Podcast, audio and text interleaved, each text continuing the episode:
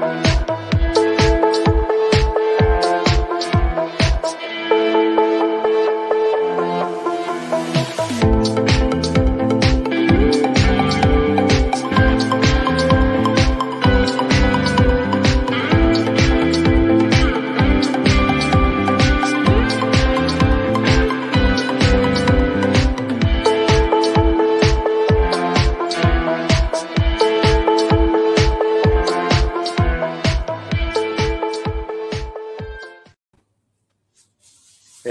Hepinize merhaba. Benim ismim Ozan. Digital Talks platformunun kurucusuyum.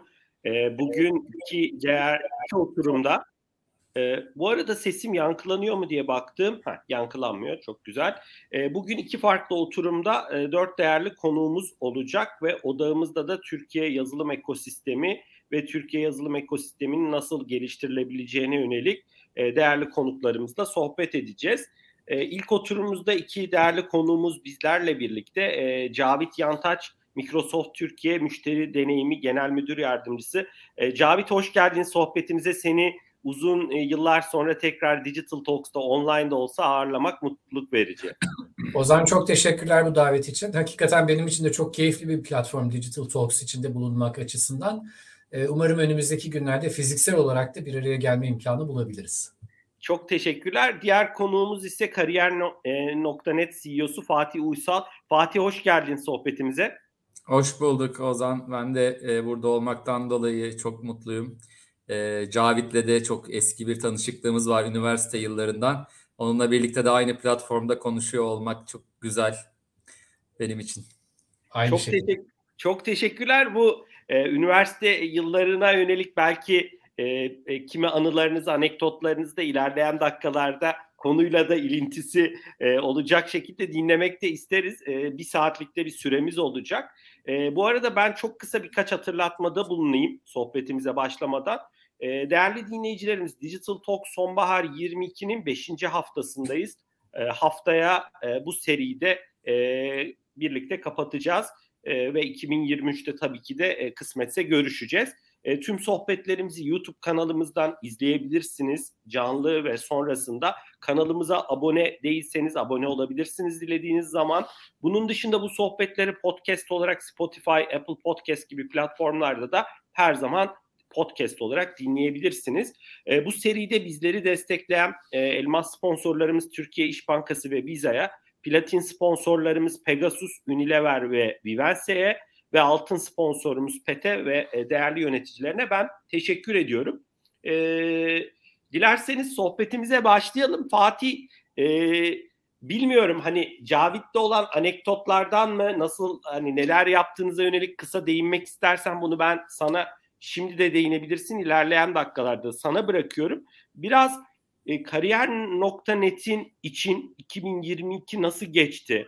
E, ajandanızda e, ne gibi konular vardı, neleri başardınız, nelerin bir kısmı duruyor. Daha yılda bitmedi tam olarak. Öncelikli konular neydi? Dilersen biraz e, kariyer.net ile ilgili konuşalım e, diye düşünüyorum. Ben sözü sana bırakıyorum.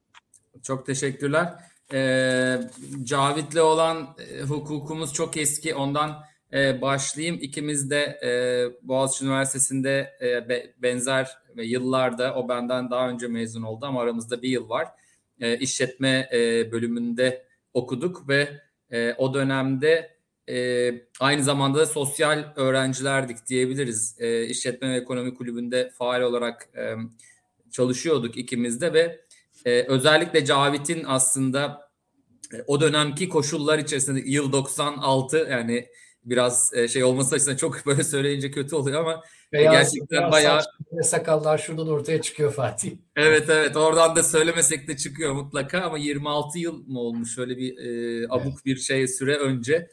E, ilkel hani e, internet koşullarında Cavit'in ya böyle de bir turnuva varmış demesiyle e, münazara turnuvasına e, katılmıştık. Güney Afrika'ya gittik. Öncelikle öncesinde Türkiye'de çok daha başka bir sistemle münazara yapılıyordu. Önceden bir ay önceden sorular belli oluyordu. Arkasından bir ay çalışıp e, arenaya çıkıyordunuz. Sadece dört üniversite vardı. E, ondan sonra katılan Boğaziçi, Marmara, ODTÜ, Bilkent. Sonra bu Cavit'in işte ön ayak olması, sonra hep beraber çalıştık, sponsorlar bulduk ve Güney Afrika'da Johannesburg'da bir Stellenbosch'ta pardon bir e, Stellenbosch Üniversitesi'nde düzenlenen Dünya Münazara Şampiyonası'na katıldık ve o bizim ufkumuzu değiştirmişti. Sonra aldık o formatı Türkiye'ye taşıdık. Sonra burada Türkiye'nin birinci üniversite arası münazara turnuvasını düzenledik vesaire ve hala da bu sistem tüm üniversitelerde kullanılan bir münazara sistemi oldu. Dolayısıyla onun hani ilk tohumlarını atan e, ekibiz diyebiliriz. Hani bunu gururla ben de her ortamda söylüyorum. Gerçekten hem girişimcilik örneği hani ilk bir birkaç bir avuç öğrencinin aslında birçok şeyi değiştirebileceğini göstermesi açısından. E, dolayısıyla böyle bir şeyimiz var. Bunun haricinde tabii birçok anımız var ama hani en başlıcasını söyleyerek başlayayım çok da vakit almadan. E, buradan e, işe geçersek kariyer açısından e, çok hareketli bir sene. E, aslında şöyle de söyleyebiliriz birkaç sene diyebiliriz. Biz pandemi öncesinden başlayarak da e, özellikle insan kaynakları ekosisteminde farklı alanlarda bir ayak izimiz olsun istiyorduk. E, ve bu alanda e, çeşitli atılımlarımız olmuştu. Pandemi döneminde buna da hız verdik. E, hem belirli alanlarda kendi bünyemizden startuplar çıkartarak başka alanlarda da mevcut startuplara yatırım yapar, yapa, e, yaparak e, ekosistemdeki bizim e, kapsadığımız alanı hacmi genişletme e, yolunda adımlar attık. Birkaç tane örnek vermek gerekirse e, bir tanesi techcareer.net e, ki birazdan belki bahsederiz. Microsoft'ta da çok güzel bir işbirliğine başladık. E, techcareer.net'in en büyük amacı aslında teknolojideki e, yetkin insan açığını kapatmak. Bunun için bootcamp'ler, hackathonlar, işte hiring challenge'lar vesaire düzenliyoruz. Ee, bilişim yeteneğinin hem keşfedilmesi hem de yetiştirilmesi amacını güdüyor. %60'dan fazla etkinlik yaptık. Bir senelik e, kısa bir süre zarfında 1700'den fazla başvuru geldi. Çok ciddi bir aslında e, kişiye dokunmaya başladık ki e, önemli şirketlerde de e, çalışıyoruz. İşte aynı zamanda sivil toplum örgütleriyle e, TÜBİSAT gibi e, çalışmalar yürütüyoruz. Bu bizim bünyemizden tamamen çıkan bir e, startup. Özellikle startup diyoruz. Yani biraz onu e, farklı bir e, inovasyon olarak hem e, kendi içerisindeki şirket kültürü hem ekip farklı tutmaya çalışıyoruz hem marka. E, bu bir tane örnek. Bir başkası e, yatırım yaptığımız şirketlerden bir tanesi Coensio. Coensio da yine teknik alanda adayların e, e, işte technical assessment dediğimiz e, değerlendirmesinin e, yapılmasını amaçlayan e, bir şirket. E, tam anlamıyla bir startup. Geçen sene bu vakitlerde e, aslında yatırım yaptığımız bir şirket. Çok hızlı bir şekilde de e, büyüyor. 55'ten fazla e, teknik alanda test e, düzenliyorlar. Bunun çıkış noktası da tabii ki e, teknik alanda e, aday sayısı azaldıkça ama diller çok tabii ki geometrik olarak sayısı artıyor. Dolayısıyla e, SS etmek çok zorlaşıyor. Yani e, İK'nın özellikle karşısına gelen bir işte Python yazı yazılımcının e, ne kadar e, teknik olarak yetkin olduğunu ölçmesi bir klasik bir mülakatla çok mümkün değil. Onlara yardımcı olmak amacıyla e, ortaya çıkan bir e, şirket Coensio. Hem ya yurt içinde hem de yurt dışında Amerika'ya kadar Tesla'ya kadar ürünlerini sattılar diyebiliriz. Yani o da hızlı büyüyen e, bizim de içerisinde bulunduğumuz e, memnun olduğumuz yatırımlardan bir tanesi. Bir başkası Peoplebox. Yine bu son geçen sene yatırım yaptığımız Peoplebox'ta bir ATS yani aday takip sistemi. E, işe alım sürecini dijitalleştirme amacı e, güdüyor. E, bu da e, aslında yeni bir firma değil yaklaşık 7 senelik bir firma ama çok e, bilinen bir firma. Birçok şirketin aslında aday takip sistemi olarak kullandığı, tercih ettiği bir e, firma e, Peoplebox. Ona biz yatırımcı olarak dahil olduk. E, aynı zamanda VBrand diye yine kendi bünyemizden başka bir startup çıkarttık. VBrand de işveren markası çözümleri alanında çalışıyor. Yine tamamen kendi ekibimiz ama aynı Tech Career gibi farklı e, onları tutmaya çalışıyoruz. Bir startup mantığıyla kendi kendilerine e, büyümelerini tabii ki Kariyer.net'in desteğiyle e, büyümelerini amaçlıyoruz. Dolayısıyla hani toparlarsam e, bizim bu sen bu özellikle amacımız başta söylediğim gibi ekosistemde kapsadığımız alanı e, aslında arttırmak. Bunu yaparken de e, verdiğim örneklerden de anlaşılmıştır. Özellikle teknik alanda e, en büyük hani tabii ki büyüme bilişim alanında. E, dolayısıyla bilişim alanındaki adayların yetiştirilmesi, doğru bir şekilde test edilmesi e, alanında e, farklı e, şirketlere yatırım yaptık. Kendi bünyemizden de şirketleri hayata geçirdik diye özetleyebilirim.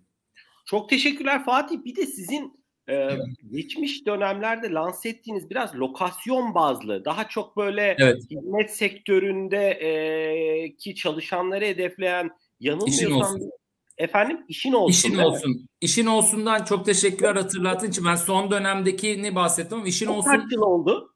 O e, 2017 ben e, ha, 2017'de başlamıştım. 2017'nin tamam. Temmuz'unda lanse ettik. E, şimdiden hani 5 yeni senesini doldurdu ama o çok tabii ki artık hani 8 milyon falan download'a ulaşan e, sadece mavi yakaya hizmet verdiğimiz ve lokasyon bazlı e, tamamıyla ücretsiz bir e, platform.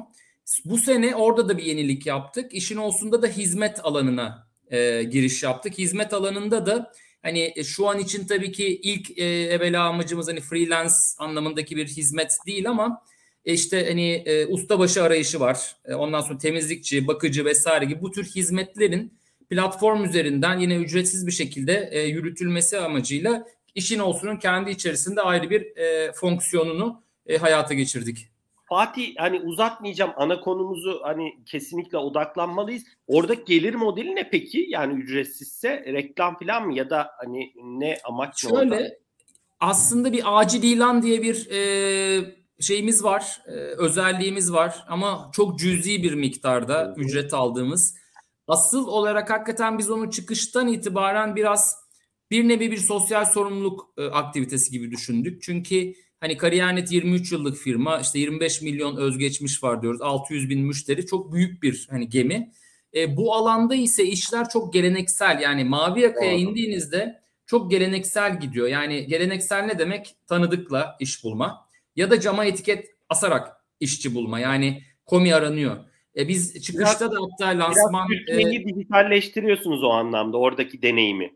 Oradaki aynen deneyimi... bize Orada vizyonu şöyle belirlemiştik. Camdaki son etiketi kaybedene kadar e, devam edeceğiz diye. Yani o hakikaten oradaki rakip olarak aldığımız camdaki komi aranıyor etiketi.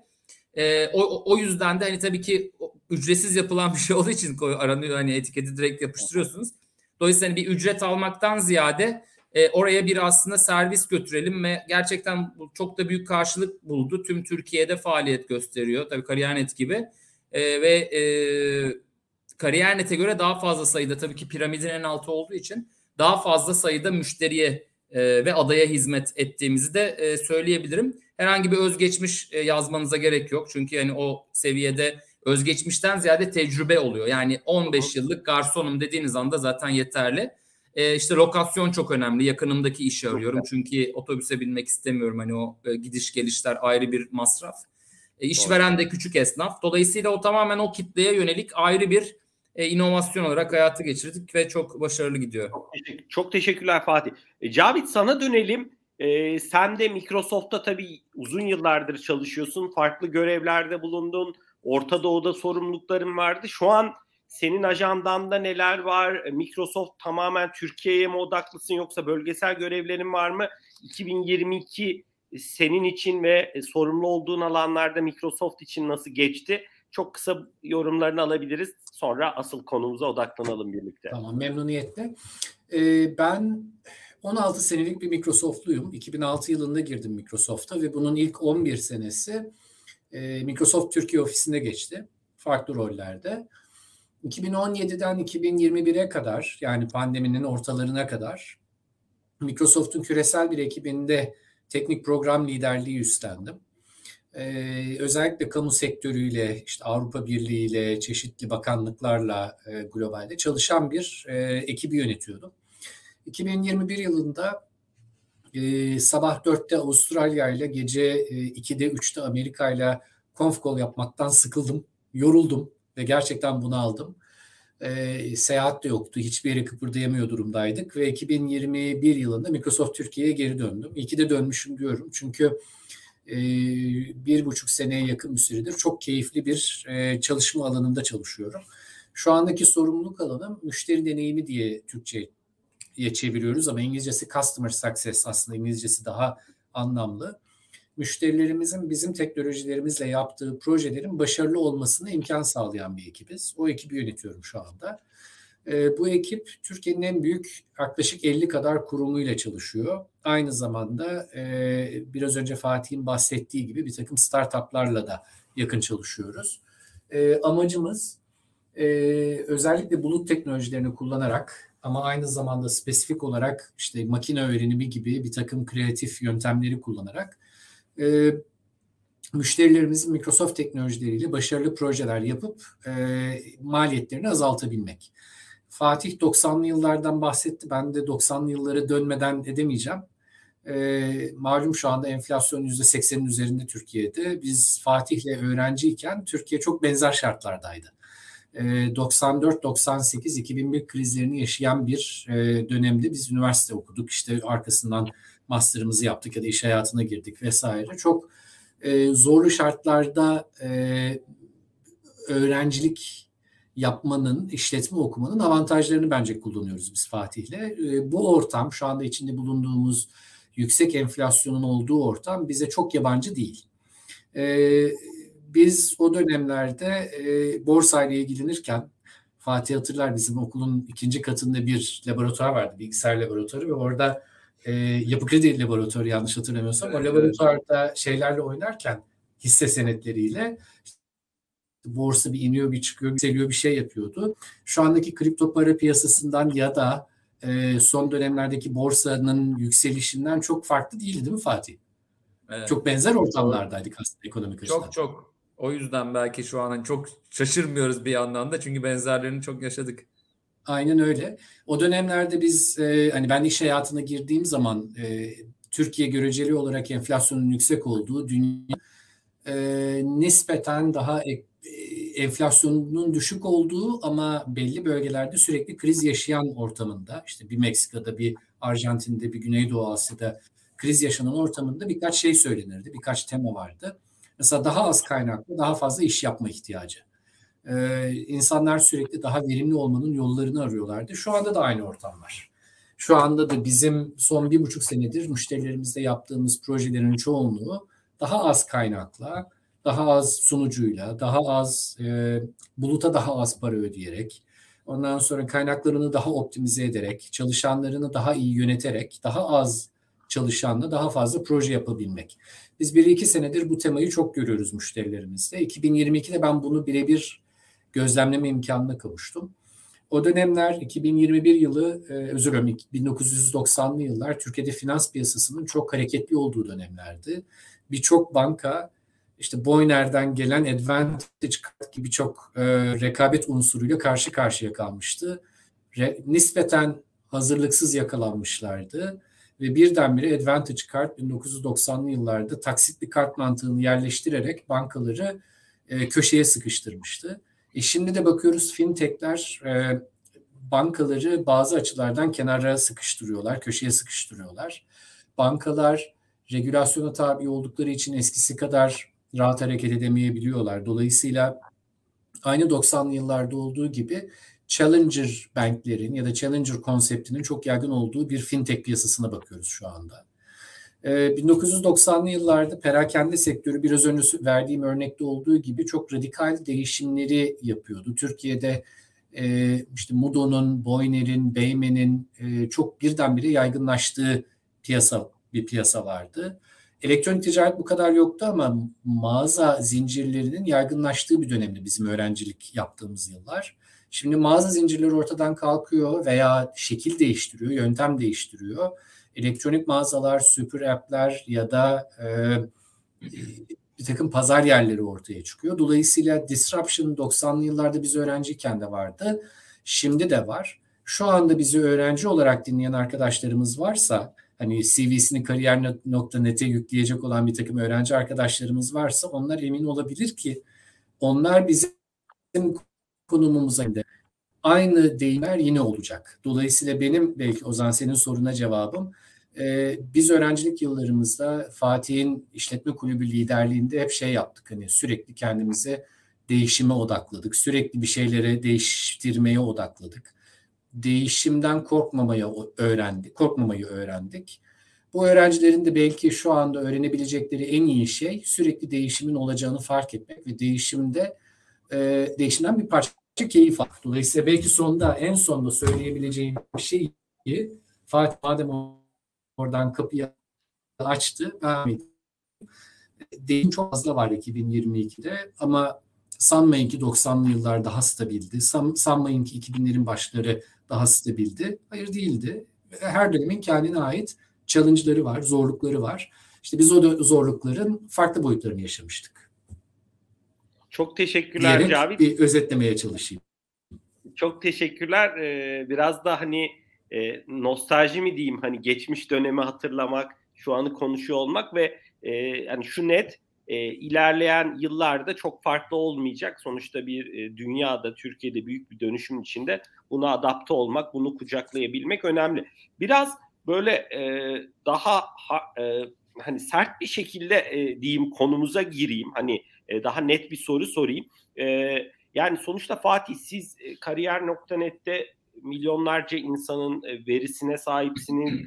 E, şirketlerle görüşüyorsunuz. Sen ve ekibindeki yöneticiler e, ilanları zaten görüyorsunuz. E, aynı şekilde Cavit bu sorum sana da yönelik. Hani sen de e, Türkiye'de herhalde görüşmediğin e, büyük ölçekli şirket yoktur diye tahmin ediyorum. Farklı konularda eminim. Sonuçta Microsoft e, dünyanın en önemli büyük, e, en önemli en, en önemli teknoloji şirketlerinden bir tanesi. Yani baktığınız zaman ikiniz e, Türkiye'de hakikaten bir yazılımcı açığı var mı?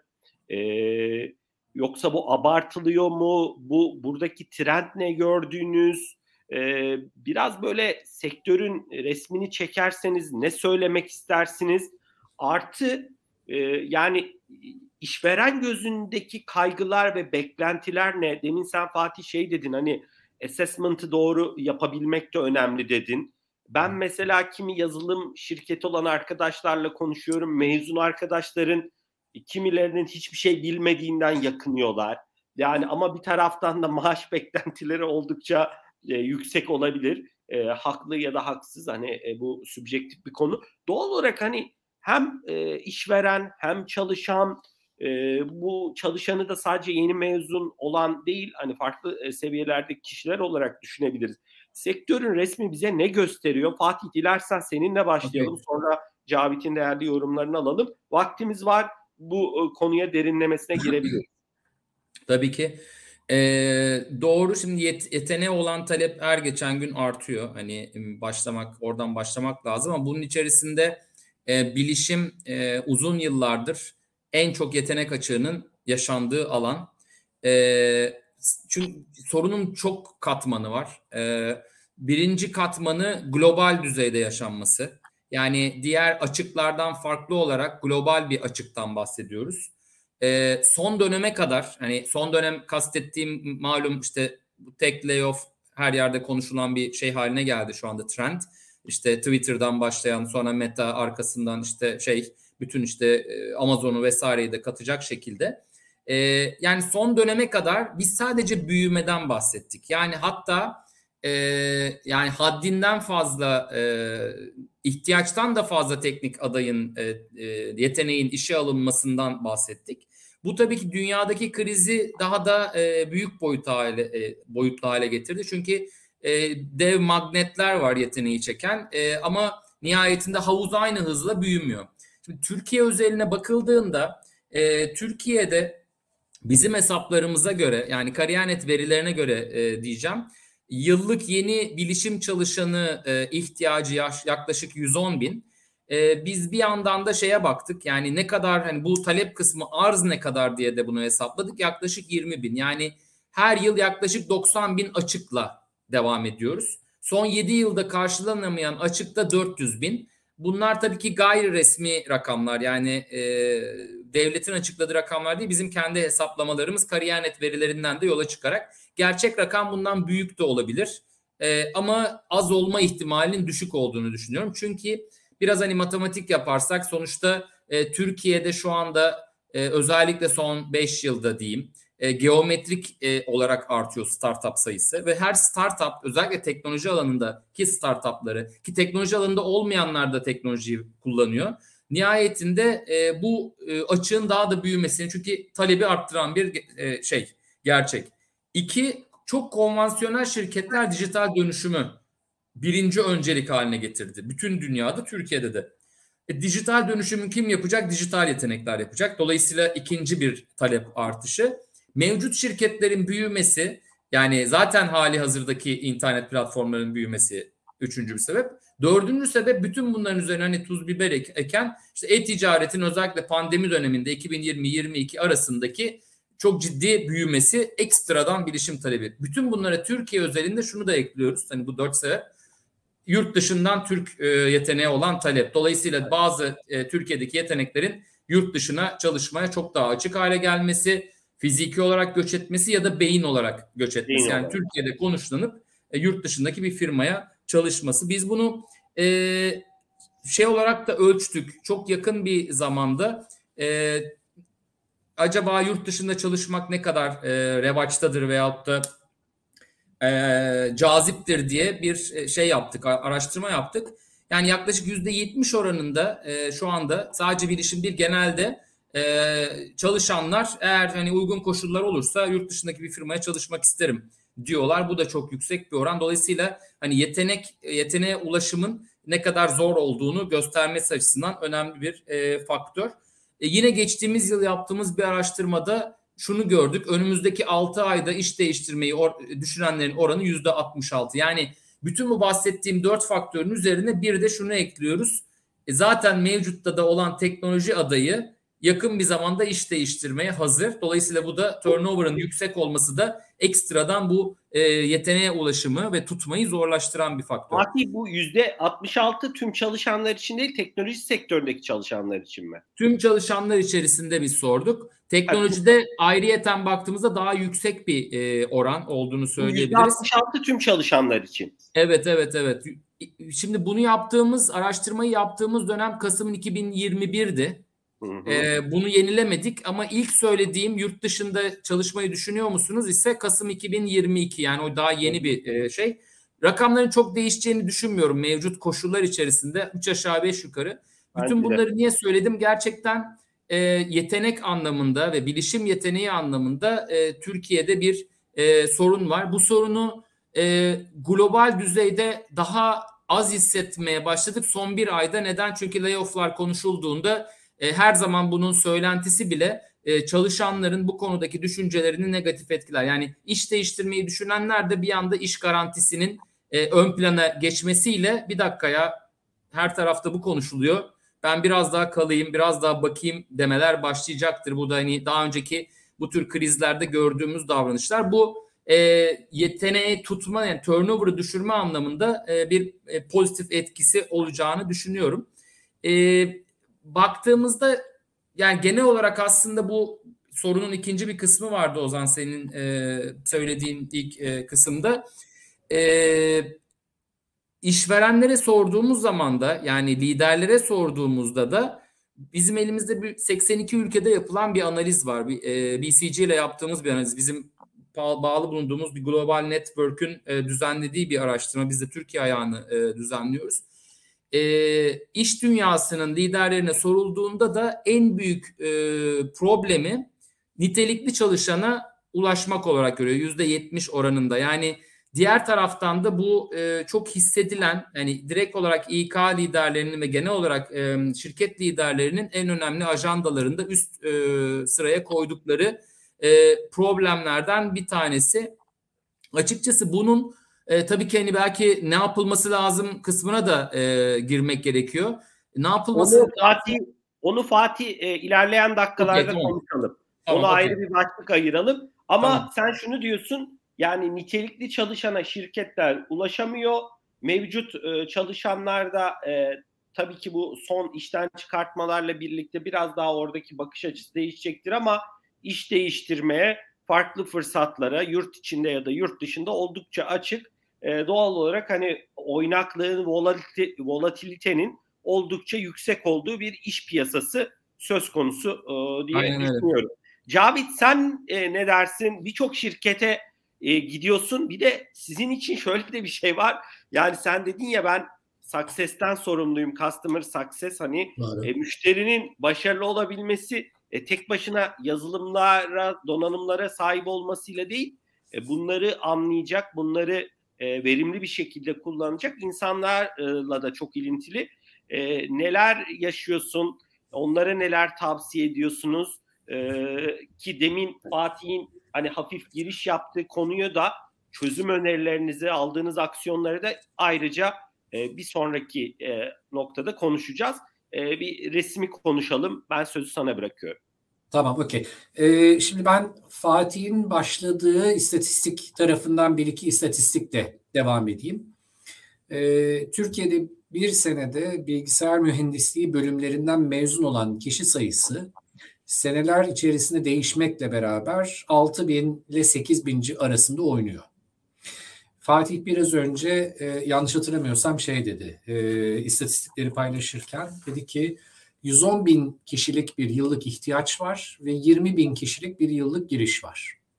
Bu 20 bin kişinin yaklaşık olarak işte 6-8 bin kadarının bilgisayar mühendisliği bölümlerinden, diğerlerinin de diğer bölümlerden işte elektronik mühendisliği, Aynen. endüstri mühendisliği, işletme, makine gibi çeşitli diğer bölümlerden geldiğini görüyoruz. Ee, Türkiye boyutunda bir ülke için bu çok ciddi bir açık. 90 binlik yıllık açık e, açık yaklaşık olarak 2025 yılına geldiğinde bizim hani yani aynı boyda aynı hızda devam edecek olursak 300-400 bin kişiye ihtiyacımız olacağını gösteriyor. Dolayısıyla böyle bir problemimiz var. Bir. İki, Türkiye'de e, mühendislik bölümleri ağırlıklı olmak üzere İngilizce eğitiminin çok kuvvetli olmadığı bir eğitim sistemi var. O yüzden de Türkiye'de e, yetişen tırnak içinde bilgisayarcılar, ister yazılım okusunlar, ister, ister bilgisayar mühendisliği okusunlar, ister endüstri mühendisliği okusunlar. Genellikle İngilizce konusunda çok yetkin olmadan e, mezun oluyorlar. Ve mezun olduktan sonra da İngilizcelerini küresel bir seviyeye ulaştırmak için yeterli fırsatları olmuyor. İngilizcesi yeterli olanların da Türkiye'den gitmek için elinde yeterince araç olduğundan ya da Türkiye'de fiziksel olarak kalsa bile Urla'da da çalışsa, İstanbul'da da çalışsa, Ankara'da da çalışsa yurt dışına iş yapabilmek için yeterli imkanı bulunduğundan Türkiye'de bulunup dışına fatura kesebilir hale gelmeye başlıyorlar ve bu spesifik bir istatistik paylaşamayacağım ama Türkiye'deki yetişmiş olan insan gücünün ihtiyacı karşılayacak piyasaya girmek yerine yurt dışına yönelmesi anlamına geliyor. Bu açığımızı daha da büyütüyor. Yani aslında gerçekte Fatih'in söylediğinden daha da kötü bir resme bakıyor olabiliriz.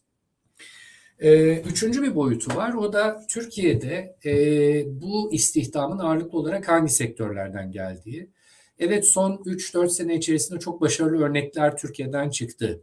Yemek Sepeti gibi, Getir, Getir gibi, Rolex Games gibi, bir takım işte oyun firmaları gibi Türkiye'den çok başarılı startupların çıktığını gördük. Ancak Türkiye'de e, hala bilişim sektörünün bir numaralı işvereni finans sektörü. Belki iki numara telekom, üç numara e, kamu ve ağırlıklı olarak kamunun içerisinde de savunma sanayi, ve bu şekilde baktığınız zaman regüle sektörlerden bahsediyoruz ve bu regüle sektörlerde de çalışan insanlar e, ister genç olsunlar ister yaşları 30'u geçmiş 40'ı geçmiş olsun e, regüle bir piyasada çalışmaya başladıkları anda dünyada son 3-4 sene içerisinde gerçekleşen bazı yenilikleri yakalayacak e, hızda çalışamıyorlar. Dünyada şu anda e, Amerika'da, Avrupa'da, işte Türkiye'de e, hiçbir startup yok ki e, anlık versiyon yönetimi yapmasın. Anlık işte CI/CD pipeline yönetimi yapmasın. Container yönetmesin. E, NoSQL veri tabanı çalıştırmasın. Hiçbir startup yok ki dünyada e, SQL Server'a örneğin ya da Oracle veri tabanlarına depend etsin. E, bağımlı kalsın. Dolayısıyla biz yetkinliklerimizi üniversiteden mezun olduktan sonra regüle sektörlerde çalışmaya çalıştırmaya devam ettikçe o regülasyonun çizdiği katı kalıplar içerisinde kalan bir yetkinlik yönetimi havuzuna bakmaya başlıyoruz. Dolayısıyla bir kere mezun olmak yetmiyor. Mezun olduktan sonra da kendini sürekli bulut teknolojileriyle, uç e, edge teknolojileriyle vesaire yenilemeleri lazım. Bu yenileme imkanını da onlara çok fazla vermeyince bu iş gücünün rekabet edebilirlik avantajı ortadan kalkmaya başlıyor. Dolayısıyla üç büyük dezavantajla karşı karşıyayız. E, buna dördüncü bir şey ekleyeceğim. Bir Fatih biraz önce çok doğru bir şey söyledi. Bir takım konvansiyonel endüstriler dijital dönüşüm yapabilmek için dijital kaynaklara yönelmeye başladılar dedi. Bütün dünyada otomotiv endüstrisi geçen sene makine mühendisinden daha fazla bilgisayar mühendisi almış işe. E, bu şekilde bakacak olursak, Türkiye'nin de otomotiv endüstrisinin nereye geldiğini düşünecek olursak, otomotiv endüstrisinin inanılmaz bir bilişimci açığı var, ihtiyacı var. Türkiye'nin geçen sene e, 2021 yılı otomotiv ihracatı 30 milyar dolar. 29.9 milyar dolar. Bir e, bunu doğru bağlama oturtabilmek için bir örnek vereceğim. TÜBİSAD verilerine göre bizim 5 senedir e, toplam bilişim ve teknoloji piyasası büyüklüğümüz 30 milyar doların altında. Hiçbir zaman 30 milyar doları geçmedi. Bunun içerisinde donanım da var, bunun içerisinde yazılım da var, bunun içinde sunucular da var, bunun içinde telekom teknolojileri de var. Dolayısıyla 30 milyar dolarlık bir piyasada biz ithalata da dayalı olarak bir şeyleri Türkiye'ye getirmeye çalışıyoruz ama üretmiyoruz. Üretmediğimiz şeyin teknoloji piyasasının içerisine bir de otomotiv sektörünü çok sokmaya çalışıyoruz. Ve otomotiv sektöründen de 30 milyar dolarlık ihracat yapıyoruz. Otomotivden ne gelir elde ediyorsak o dövizin tamamını donanım ithal ederek yurt dışına gönderiyoruz. Dolayısıyla aslında biz yetkinlik üretmeyerek ve yetkinliği de gelişebilir durumda tutmayarak onları regülasyonlarla ellerini kollarını bir parça bağlayarak geçmiş yılların ihtiyaç duyduğu teknolojilere e, yönlendirerek aslında diğer sektörlerinde otomotiv gibi, turizm gibi diğer sektörlerinde rekabet edebilirlik gücünü epey azaltıyoruz. Ee, çok başarılı hikayelerimiz var dediğim gibi. Getir, işte hepsi burada, Trendyol vesaire gibi çok başarılı örnekler var. Ama bu başarılı örnekler aslında bu piyasa içerisinde e, belki istisna ve insanlar da bu istisnaların peşinden gidiyorlar ve o, o istisnalar oldukça ciddi bir cazibe merkezi haline geliyor.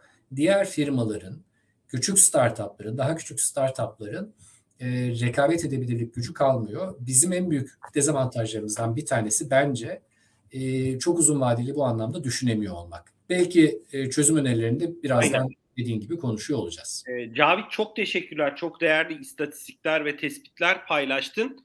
E, benim de kimi belki eklemelerim olur ama hani vakti değerli kullanmak anlamında devam edelim diye düşünüyorum. Biraz e, tabii ki hani e, ikinizin de eminim çok önemsediği e, bu, bu ekosistem bir bütün. İşin içinde özel sektör var, işin içinde kamu var, işin içinde sivil toplum örgütleri var. Kamunun içine ben tabii ki eğitim sistemini de dahil ediyorum.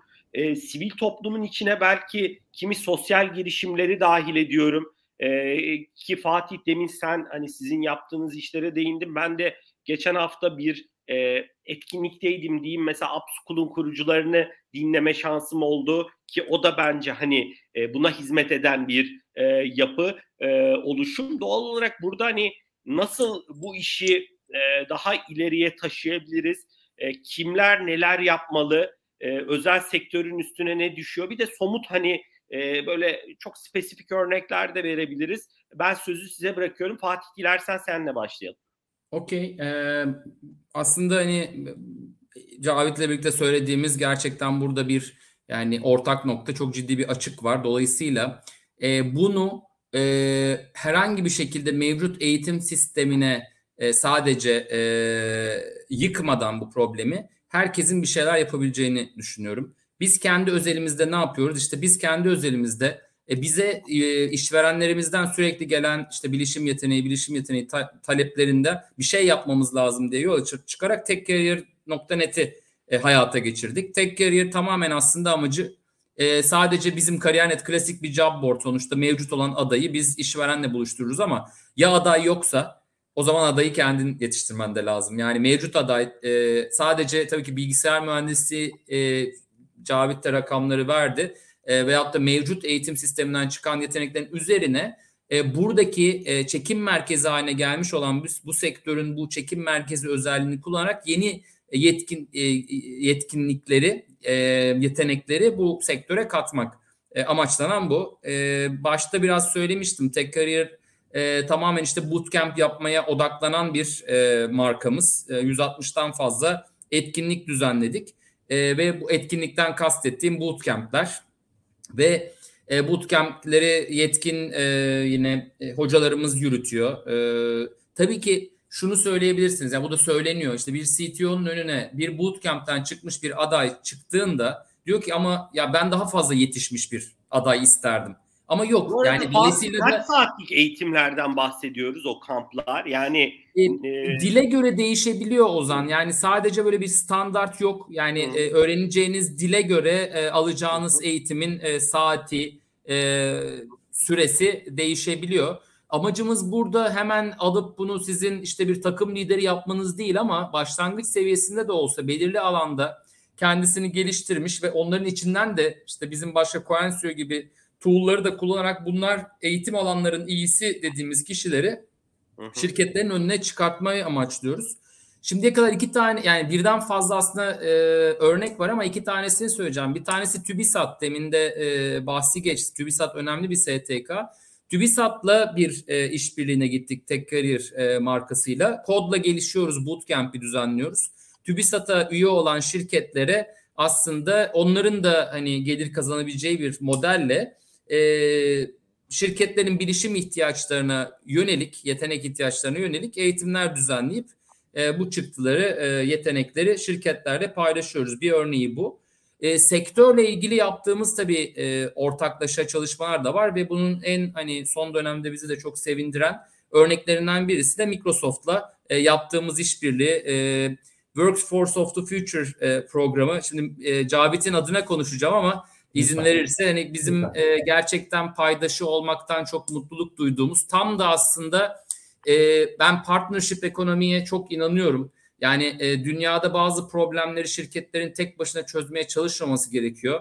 Ortak amaca yönelik e, çalışmaların çok değerli olduğunu ve sinerji yarattığına inanıyorum. Bu da bunun güzel bir örneği. Biz e, hani Microsoft'un bir ihtiyacı olduğunu gördük ve onlara e, bu alanda destek vereceğiz. Yine Tek Kariyer markasıyla özellikle Microsoft dillerinde işte Azure gibi Dynamics e, 365 gibi dillerde. Hatta orada işleyiş nasıl olacak? Yani siz e, belli havuzdan e, başvuran kişileri seçeceksiniz. Belki diyelim 100 kişi, 200 Hı-hı. kişi neyse sınıflara ayrılacaklar ve belli konularda bu, bu kişilere ücretsiz mi bilmiyorum ya da çok düşük evet. ücretli mi? Online online değil mi eğitimler olacak? Online yani? eğitimler 40 ila 60 saatlik eğitimler. Tam aslında senin özetlediğin gibi ne bir eksik ne bir fazla. E, seçtiğimiz yeteneklere bu eğitimlerin verilmesini sağlayıp işte e, Microsoft olacak. Efendim? Bir sınav mı olacak? Bir sertifika mı vereceksiniz? Ne yapacaksınız? Aynen aynen o şekilde. E, nihayetinde bir sertifikasyonla işte derecesi de belirlendikten sonra e, Microsoft'ta zaten baştan uçtan uca e, beraber çalışıyoruz. Bir Microsoft sertifikası alacaklar e, bu e, şeyin e, bitiminde ve bu e, sertifikayı alanlar da Microsoft'un partner şirketlerinde çalışma imkanı bulacak. Kısaca aslında e, işin özeti bu. E, uzun soluklu da bir program. Yani sadece bir, bir iki haftalık değil bir yıla yayacağımız bir e, şey. Çok yeni başladık. E, şu andaki aldığımız geri dönüşlerde Microsoft'un hem e, zone içerisindeki e, yöneticileriyle de e, sık görüşme fırsatımız oluyor. Bizim en öncelikli projelerimizden birisi. Dolayısıyla da e, bu aslında biraz önce söylediğimiz hani neler yapmamız lazım, nasıl yetenek yoksa neleri yapabiliriz'e e, güzel bir aslında iki şirketin elini taşın altına koyduğu güzel bir örnek. Biz bunların sayısını e, çoğaltmamız gerektiğine inanıyoruz. Yani e, Microsoft bu ihtiyacı gördü ve e, bunun üzerine zaten hani dünyada yaptıkları birçok örnek var. Ama bunun dışında aslında her firmanın artık biraz daha yani biz bütün ihtiyacı tek başımıza tek kariyerle karşılayalım derdinde de değiliz ama bunun gibi oluşumların e, ortaya çıkmasının çok kıymetli ve gerekli olduğunu düşünüyoruz. Çünkü problem e, sadece böyle bir e, hani palyatif önlemlerle çözülemeyecek kadar ve gittikçe derinleşen biraz önce hem Cavit hem ben istatistik rakamlardan da bahsettik. Yani çok net bir havuz problemi var. Havuz problemine ekstradan bir havuz eklemedikten sonra da onu çözülme şansı yok. O havuz gittikçe daralacak ve azalacak. Bu e, dolayısıyla bizim bir şey yapmamız lazım. Fatih orada bir eklemede bulunayım. Fatih İşbeceri, e, e, Comensis'in kurucusu, kurucu ortaklarından e, geçtiğimiz yıllarda ağırlamıştık. Onun hiç unutmadığım bir sözü var. Türkiye'de yetişmiş insan az ama yetiştirilecek insan çok diye. Yani Doğru. doğal olarak e, hani Türkiye'de de hakikaten işte Twitter'da hashtaglere bakıyoruz. Atama bekleyen öğretmenler, farklı konularda talepleri olan insanlar. E, bir tarafta da işte 110 bin eksi 20 bin desek işte e, belki 90 binlik bir açık. E, doğal olarak hani orada e, çok ciddi de bir fırsat var aslında. Yani ne yapılsa zaten işe yarayacak bir ortam söz konusu gibi. Ben hani e, sözü tabii ki sizlere bırakayım. Cavit senin eklemelerin olur mu?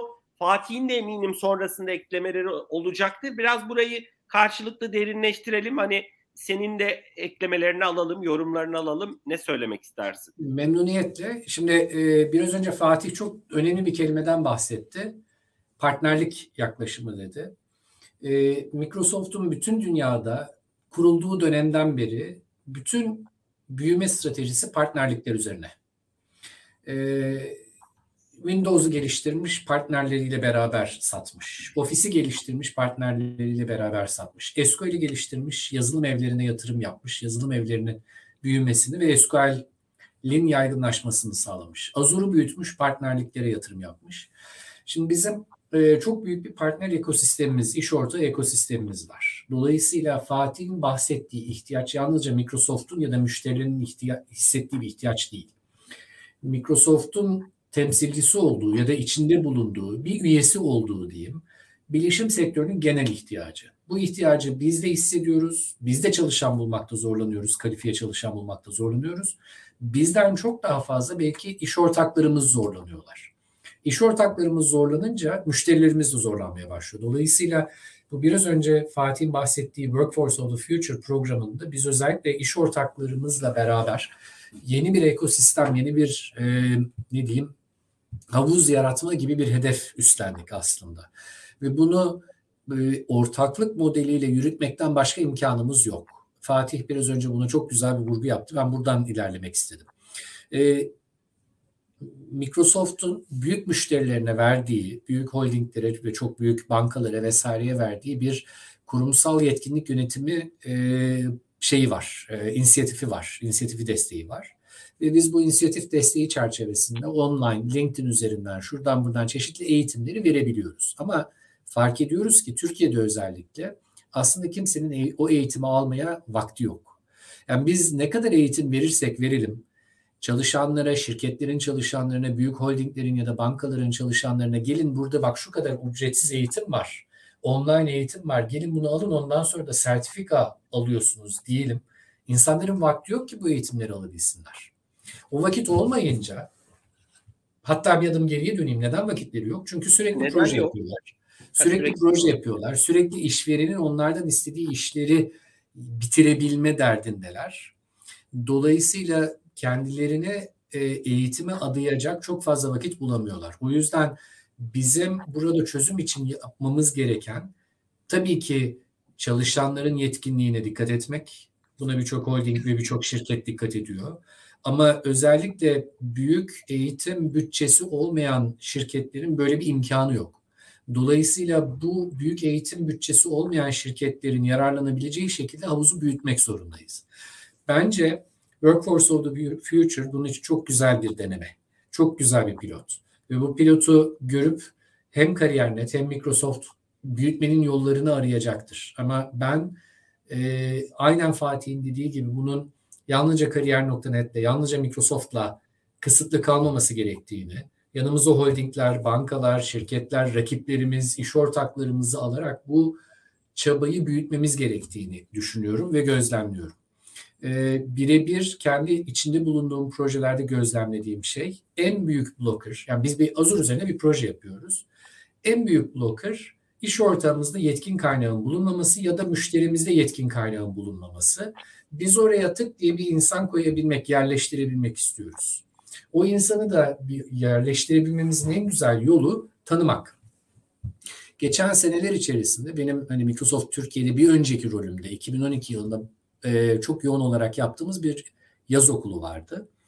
Bu yaz okulu projesini şimdi bir parça çek, bir şeklini değiştirerek sene boyuna yaydık. Sene boyunca işte şu anda e, tüm Türkiye'den çok iyi üniversitelerden ve aynı zamanda tüm Türkiye çapındaki üniversitelerden belirlenmiş 60'a yakın arkadaşımızı eğitiyoruz. o 60'a yakın arkadaşı kendi çabalarımızla, mentorluklarımızla, birebir ilişkilerimizle belli noktaya yetiştiriyoruz ve diyoruz ki gelin siz mezun olduğunuzda Microsoft'ta iş ortaklarında, rakiplerinde vesaire çalışmaya başlayın. E, ve onları train the trainer mantığıyla bir nevi eğitmen gibi yetiştiriyoruz. Dolayısıyla onlar kendi okullarında... Ben kaçırmış olabilirim. Son sınıftakileri mi alıyorsunuz oraya? Kimi alıyorsunuz? 2, 3 ve 4. sınıftakileri alıyoruz. E, dolayısıyla bir bazı eğitim olması gerekiyor. Dördüncü sınıftakileri aldıysak ve dördüncü sınıftakiler hemen mezun oluyorlarsa genellikle iş hayatına giriyorlar. Eğer ikinci sınıftakilerle başladıysak onları üçü ve üçte ve dörtte kendi Aynen. okullarında bir takım eğitimler vermeleri konusunda yönlendirme yapıyoruz. Bu tek başımıza yaptığımız bir inisiyatif ama bunu yaygınlaştırmanın da yollarını arıyoruz açıkçası. E, dolayısıyla çözüm yolu biz ve bizim gibi firmaların aslında elini taşın altına sokması ve sivil inisiyatiflerle, sivil toplum kuruluşlarıyla, e, işte Microsoft TechCareer.net işbirlikteliği gibi işbirlikteliklerle bu e, alana yatırım yapmaya devam etmek. Tek yolu, tek ama tek yolu bu. Biz bu buraya yatırım yapmaya devam etmek zorundayız ve bunu devlete bırakamayız. Çünkü devletin şu andaki gücüyle e, insan kaynağıyla, akademik formasyonuyla zaten ulaşabildiği kitle biraz önce söylediğimiz kitle. Esneklik gücüyle yani e, sizin atıyorum Microsoft'u ki biz etkinlik de yaptık orada Bellavu'daki e, salonda bir organizasyonu yapmanız herhalde ya bugün istesek iki günde orada bir şey yapılabilir yani sonuçta o e, kabiliyet var ama Doğru. işin içine evet, kamu e, girdiği zaman, regülasyon girdiği zaman iş farklı. Yüzde yüz hatta biz bunu ikinci sohbette de e, değerli e, konuşmacılarımıza soracağım. TÜSİAD'ın mesela e, Deloitte'la hazırladığı raporda e, uygulama okulları önerisi var. Ben aslında sizin yaptığınız şeyleri de e, uygulama okullarına e, benzetiyorum. Bu arada biz Digital Talks'u nasıl konumlandırıyoruz burada diye hani ben çok kısa bir yorumda bulunayım. Aslında belki ileride bununla ilgili Fatih, Cavit paslaşabiliriz. Biz tabii ki de derinlemesine teknik eğitimler vermiyoruz ama bu sohbetler yani geçen hafta siber güvenliği konuştuk, perakende medyasını konuştuk, fintech'i konuşuyoruz. Hani dönüp baktığımız zaman alanında uzman çok değerli insanları e, ağırlıyoruz. Aslında o kişilerin bence o yazılımcıların da biraz business'ı biliyor olması lazım. Altyapıya sahip oluyor olması lazım. Dünyada ne oluyor, ne bitiyor, e, perakende medyası nedir, siber güvenlik uzmanı olmak zorunda değil ama hani oradaki trendleri bilmesi lazım. O açıdan biz kendimizi biraz daha o insanların entelektüel seviyesini arttıran bir e, içerik üreticisi olarak görüyoruz. Doğal olarak buradaki içeriklerin de belki Fatih e, sizin tarafta daha fazla kişiye ulaşması için paslaşabiliriz diye düşündüm. Bunu da ayrıca evet. e, tartışırız, konuşuruz. E, ben sözü o zaman sizlere çok özür dilerim. Bir şey, bir şey, bir şey atladığımı fark ettim. Ee, önemli olduğunu düşündüğüm için tam söylediğin noktada bir şey paylaşacağım çok kısa. Tabii Ee, bir süredir gözlemlediğimiz şeylerden bir tanesi de artık developer bulamayan insanların, yazılımcı bulamayan insanların eh hadi ben bununla uğraşmaya başlayayım diye bir talepte bulunması. Biz buna e, IT piyasasında citizen developer diyoruz. Yani e, bir bankacı IT birimine gitmeden kendi ihtiyacını temel yazılımsal yetkinliklerle ama kod yazmadan ya da çok az kod yazarak yapabiliyor. Low code, no code gibi bir takım inisiyatifler ortaya çıkmaya başladı. E, şu anda e, birkaç bankada, birkaç e, seyahat şirketinde, birkaç holdingde bunun çok temel inisiyatif olarak işlediğini ve e, kendisini yazılımcı olarak tanıtmayan, örneğin muhasebeci, örneğin satışçı, örneğin operasyon birimi yöneticisi olan arkadaşların temel yazılımsal yetkinliklerle ama Python'la uğraşmadan, C Sharp'la uğraşmadan, SQL kodu yazmadan e, yazılım yazabildiğini ve bunun işte versiyon yönetimiyle vesaire uğraşmaya başladığını gördük. Microsoft olarak en çok yatırım yaptığımız alanlardan bir tanesi de bu olduğu için bunu paylaşmak istedim.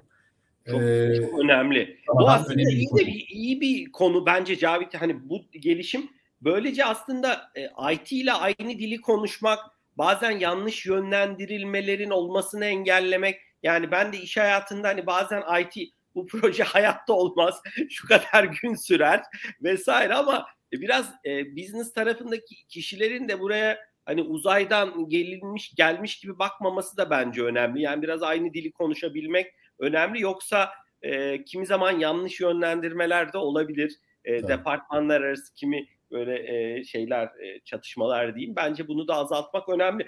bence buraya şöyle yani şu an 6-7 dakikamız var.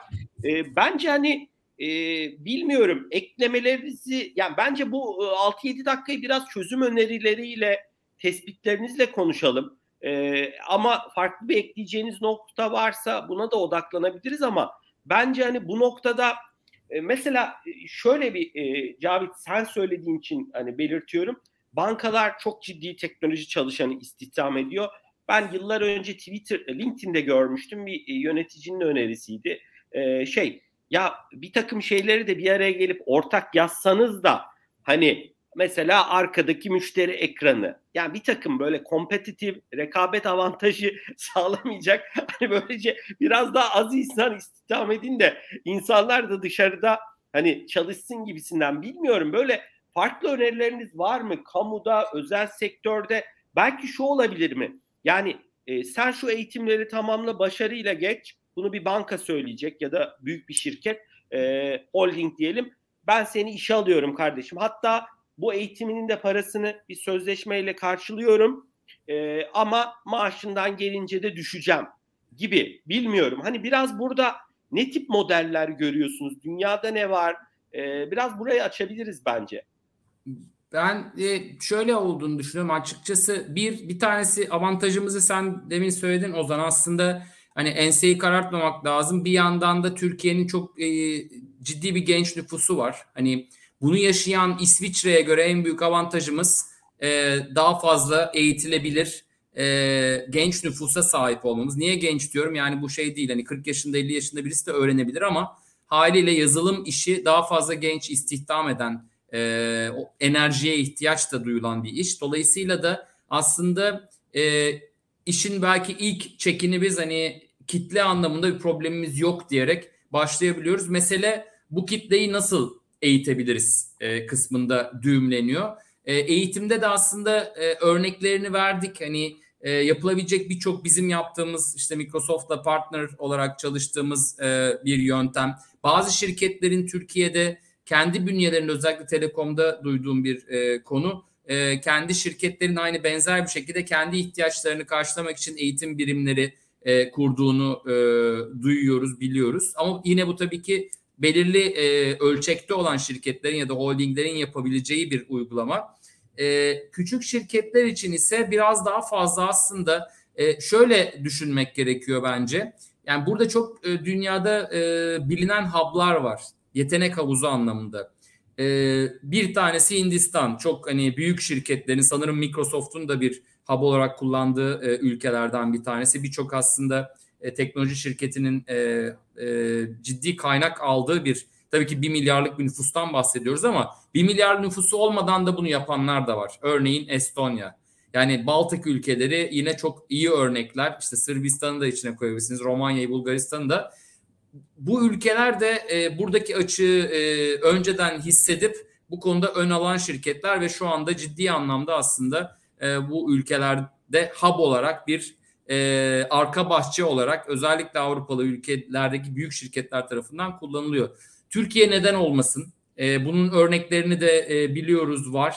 E, tabii ki benim açıkçası hani ilk tercihim Türkiye'de faaliyet gösteren şirket e, hüviyetiyle, şirketi yöneten bir kişi hüviyetiyle ilk başta tabii ki kaynakların Türkiye'de kalması olur ama yeterli sayıya ulaşabilirsek aslında Türkiye'nin en önemli ihracat e, kalemlerinden birisi olma potansiyeli var. Yetenek ihracatı hem çok karlı hem de ülkeye daha fazla da katkısı olan. Çünkü e, hem ihraç ediyorsunuz hem de kendi ihtiyaçlarınız için de e, kullanabileceğiniz daha bir daha büyük bir yetenek havuzuna kavuşuyorsunuz. Şu anda hani Hindistan önemli ölçüde ihraç ediyor ama e, birçok hani Hint bazlı büyük şirketlerde de istihdam ediliyor. Dolayısıyla her taraf için e, faydası var. E, son şunu söyleyebilirim. Bununla ilgili bir seferberlik anlayışıyla yaklaşmak gerekiyor. Yani şu anda konuştuğumuz bu bir saatte bile birçok fikir ortaya çıktı. Benzer şekilde birçok partinin içerisinde bulunması e, gerekiyor. Bunun içerisinde eğitim tabii ki bakanlık da var ama özellikle özel sektör STK'ların içinde olduğu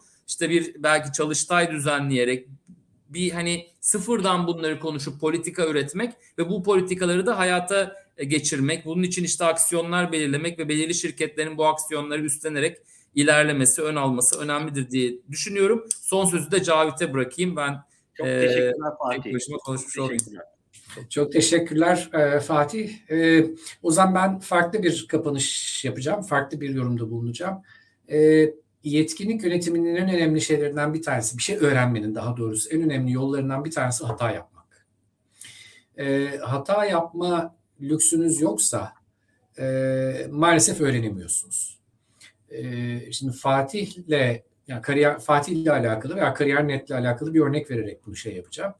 E, Türkiye'de kendi ARGE çalışmalarını dijital olarak yayınlayan çok az şirketten bir tanesi Kariyer.net. Yani ARGE.kariyer.net diye bir inisiyatifi başlatmış olan, biraz önce söylediği gibi startuplar kurup çok başarılı olamayabilirler. Çok başarılı olabilirler. Ama o startuplarla pilot yapmaktan, MVP yapmaktan korkmayan bir şirket Kariyer.net.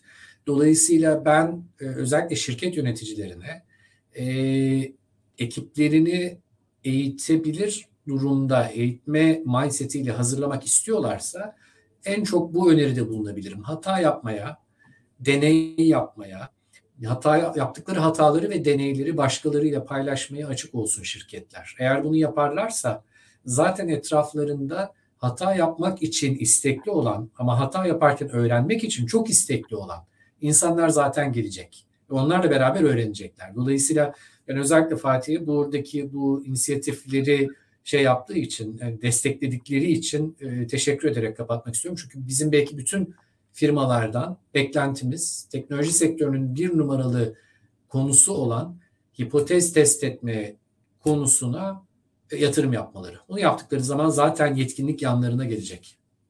Çok teşekkürler Cavit. Ee, Fatih bu konu tabii çok derin, uzun bir konu.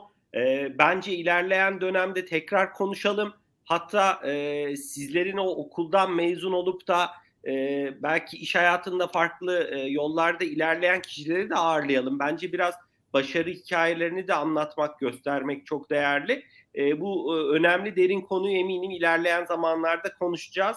E, ben çok teşekkür ediyorum. Bu arada arka tarafta e, Cihan'la e, Murat'ı da görüyorum. Cihan senin kameran kapalı.